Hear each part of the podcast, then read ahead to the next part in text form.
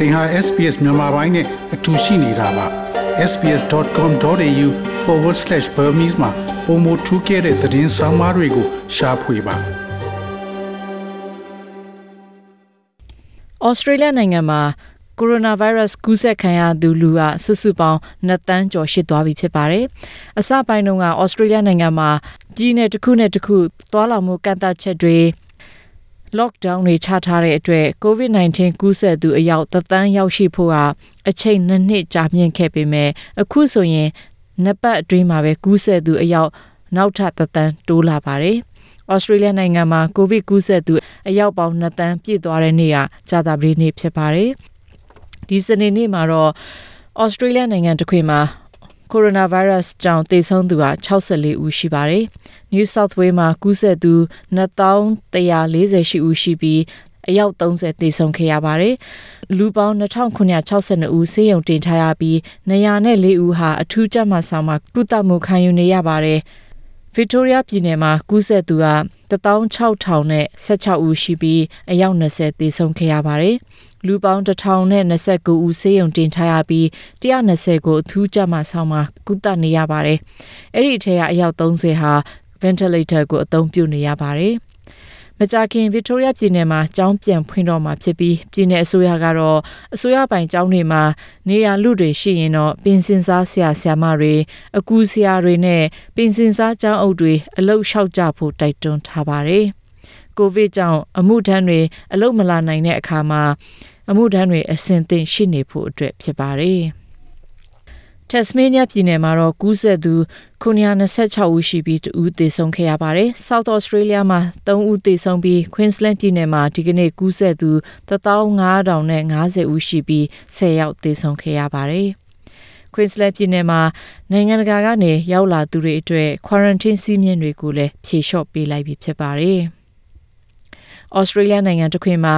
ဆေးရုံတင်ရတဲ့လူနာဥယျာဉ်တွေအတက်အကျအချို့ရှိပေမဲ့ကျန်းမာရေးအမှုတန်းတွေမနိုင်မနှင်းဖြစ်နေတဲ့အနေအထားကိုရောက်ရှိလာနေပါတယ်။ Victoria ပြည်နယ်ကမြို့ပေါ်ဆေးရုံအလုံးနဲ့နေဒေသကဆေးရုံ6ခုတို့မှာ Code Brown အဆင့်သတ်မှတ်လိုက်ပြီးအခုဆိုရင်၄ရက်မြောက်နေ့ရှိပြီဖြစ်ပါတယ်။ ဒီအစ်စ်မှာတကယ်အရေးပေါ်လူနာတွေကိုသာကုသမဲ့အနေအထားဖြစ်ပြီးစောင့်ဆိုင်လို့ရတဲ့ခွဲစိတ်မှုတွေကိုစောင့်ဆိုင်ခိုင်းထားတာဖြစ်တယ်လို့ခွင့်ယူထားတဲ့အမှုတန်းတွေကိုအလုတ်ပြန်ဝင်ခိုင်းတာမျိုးလဲလုပ်နိုင်တဲ့အဆင့်ဖြစ်ပါတယ်။အဲ့ဒါအပြင်စီဒနီမြို့က Westmead ဆေးရုံမှာလဲဗုဒ္ဓနေ့တုန်းကတူနာပြုတွေဆန္ဒပြမှုလုပ်ခဲ့ကြပြီးသူတို့တွေဟာရေရှည်အထိမဖြစ်နိုင်တဲ့အနေအထားနဲ့အလုံးလုံးနေရပြီးသူတို့အပေါ်နားလည်မှုလည်းမရှိကြဘူးလို့ပြောပါတယ်။ ဒါပေမဲ့သတင်းကောက်တစ်ခုကတော့ New South Wales ပြည်နယ်မှာယောဂအဆိုးဝါးဆုံးကူးစက်တဲ့ကာလပြီးဆုံးတဲ့အနေအထားရှိတယ်လို့သုံးသပ်ကြပါတယ်။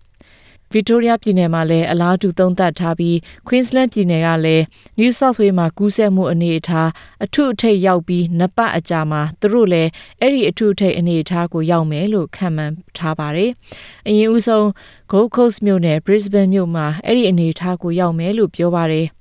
ယောဂကူးစက်မှုအခြေအနေအထုအထက်ရောက်တယ်လို့ပြောတဲ့အခါမှာယောဂကူးစက်မှုပြီးဆုံးသွားတာမဟုတ်ပဲယောဂကူးစက်မှုအများဆုံးအဆင့်ကိုရောက်ရှိပြီးမကြခင်မှာပြန်လဲရော့နေလာတော့မယ့်အခြေအနေကိုဆိုလိုချင်တာဖြစ်တယ်လို့ Queensland ပြည်နယ်ကျန်းမာရေးအရာရှိတူကပြောပါပြောပါတယ်။ Australia နိုင်ငံတစ်ခွင်မှာ ကိုဗစ်ကြောင့်အလုပ်သမားမလုံလောက်မှုတွေဖြစ်ပေမဲ့အခုတလောတက်တာစပြုလာပြီလို့ Victoria ပြည်နယ်ကိုဗစ်ကာကွယ်တိုက်ဖျက်ရေးအဖွဲ့က Commander Jerome Weimer ကပြောပါတယ်။ As at today, we have 3,900 health staff who are unable to work due to either being uh, positive with COVID or caring for others in their household with COVID. But that number is pleasingly started to come down. That was four. ကျန်းမာရေးမှုတန်းအယောက်ပေါင်း3900ဟာကိုဗစ်ကူးစက်ခံရလို့ဒါမှမဟုတ်အိမ်မှာကိုဗစ်ကူးစက်သူကိုပြုစုနေရလို့အလုံးမလာနိုင်တာမျိုးဖြစ်နေရပါတယ်။ ဒါပေမဲ့ဒါဟာအရင်ရက်ထက်ဆိုင်ရင်ပိုနေတဲ့ဥယျာဉ်ဖြစ်ပြီးမနေ့တုန်းကလူပေါင်း4500အလုံးမလာနိုင်တဲ့အနေအထားမှာရှိခဲ့ပါတယ်။ quarantine မှာဖြေလျှော့မှုတွေလုပ်ပေးလိုက်တဲ့အတွက်မရှိမဖြစ်လိုအပ်တဲ့အလုပ်သမားတွေစောစောစီးစီးအလုပ်ပြန်ဝင်လာနိုင်ကြတာဖြစ်တယ်လို့ပြောပါတယ်။အခုလောလောဆယ်အစိုးရတိုင်းကကာကွယ်ဆေးထိုးကြဖို့ဆက်လက်တိုက်တွန်းနေပြီး Queensland နဲ့ South Australia ပြည်နယ်မှာ ကာကွယ်ဆေးထိုးသူဦးရေများလာမှပဲကျောင်းတွေပြန်ဖွင့်ပေးနိုင်မယ်လို့ပြောဆိုနေပါတယ်။တခြားပြည်နယ်မှာတော့မကြခင်ကျောင်းတွေပုံမှန်ပြန်ဖွင့်နိုင်မဲ့အနေအထားရှိပေမဲ့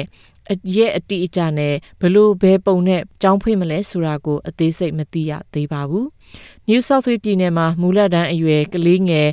9ယောက်ထဲမှာ4ယောက်လောက်ကာကွယ်ဆေးမထိုးကြရသေးဘူးဆိုပေမဲ့တရက်ထက်တရက်တော့ကာကွယ်ဆေးထိုးမှုတွေပိုများလာနေပါတယ်။ Victoria ပြည်နယ်မှာလည်းအလားတူကာကွယ်ဆေးထိုးဖို့အရေးကြီးတယ်လို့ပြည်နယ်ဝန်ကြီးချုပ် Daniel Andrews ကပြောပါတယ်။ I just want to be really clear with everybody. This is not two plus an optional extra.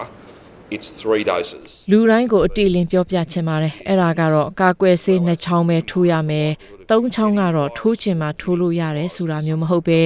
ယောဂကနေကောင်းမွန်စွာကာကွယ်ဖို့သုံးချောင်းထိုးကိုထိုးရမယ်အခြေအနေမျိုးဖြစ်တယ်လို့ပြောပါတယ်ကာကွယ်ဆေးသုံးချောင်းထိုးထားရင်မိမိကိုယ်ကို virus ကနေကာကွယ်ရာရောက်တယ်လို့တခြားသူတွေကိုလည်းမကူးစက်အောင်လှုံ့ဆော်ပေးရရောက်တယ်လို့ပြောပါတယ်အခုဆိုရင်ဩစတြေးလျနိုင်ငံမှာယောဂရှိမရှိစမ်းသပ်တဲ့အခါမှာ PCR စမ်းသပ်နည်းအစား Rapid Antigen Test RAT နည်းလမ်းနဲ့လှုပ်ဆောင်ဖို့အလိုရှိပေမဲ့ RAT test တွေကိုလုံလောက်စွာရောင်းချမှုတွေမလုပ်နိုင်သေးပါဘူး။တချို့လူတွေကဆေးဆိုင်တွေမှာမလုံလောက်မှုတွေဖြစ်နေတာကသူတို့ရဲ့ပစ္စည်းကိုအစိုးရကကြားဖြတ်ယူသွားလို့ဖြစ်ရတယ်လို့ပြောတဲ့သတင်းတွေထွက်ပေါ်နေပါတယ်။ဒီလိုပြောဆိုမှုတွေကိုကျမ်းမာရေးဝန်ကြီးကညှင်းဆိုလိုက်ပြီးလိန်ညာပြောဆိုမှုသာဖြစ်တယ်လို့ပြောပါတယ်။ No, we have not done that. Um, we are not doing that, and I have asked my မ department. လုပ်ရပါဘူးမလုပ်ခဲ့ရသလိုအခုလည်းမလုပ်ပါဘူးကျွန်တော်တို့ရဲ့ဌာနကိုလည်းမေးကြည့်ပြီးအဲ့ဒီလိုဖြစ်ခဲ့ရင် ACCC ကိုတိုင်ကြားဖို့ပြောပါတယ်အဲ့ဒီလိုပြောဆိုချက်တွေကအမားတွေပါရှောက်ပြောနေတာလို့တုတ်ပြန်ထားပါတယ် Queensland ပြည်နယ်ကတော့မိမိဖာသာစမ်းသပ်လို့ရတဲ့စမ်းသပ်ရေးကိရိယာတွေကို ဩစတြေးလျနိုင်ငံကထုတ်လုပ်တင်တယ်လို့ဒုပြည်နယ်ဝန်ကြီးချုပ် Stephen Miles ကပြောပါတယ် For most of the last two years, we've relied on PCR testing, uh, but now, as you know, as we increasingly rely on rapid antigen tests, uh, it is လွန်ခဲ့တဲ့ urgent နှစ်နှစ်နေပါအတွင်း PCR စမ်းသပ်ရေးနည်းကိုသာအားထားခဲ့ကြရပါတယ်။အခုဆိုရင် Rapid Antigen Test ကို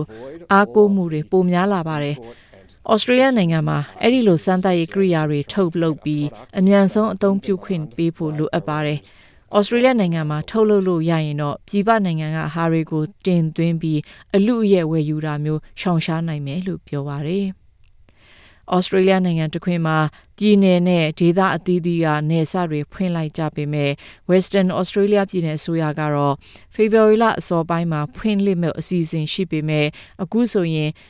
ယောဂကူးစက်မှုတွေဆက်လက်ဖြစ်နေတဲ့အတွက်ရက်အကန့်အသတ်မရှိပယ်ဖျက်လိုက်ကြောင်းကြေညာခဲ့ပါတယ်ရှင်။ SPS မြန်မာပိုင်းကို Facebook ပေါ်မှာ like ရှာပြီး like မျှဝေမှတ်ချက်ပေးပါ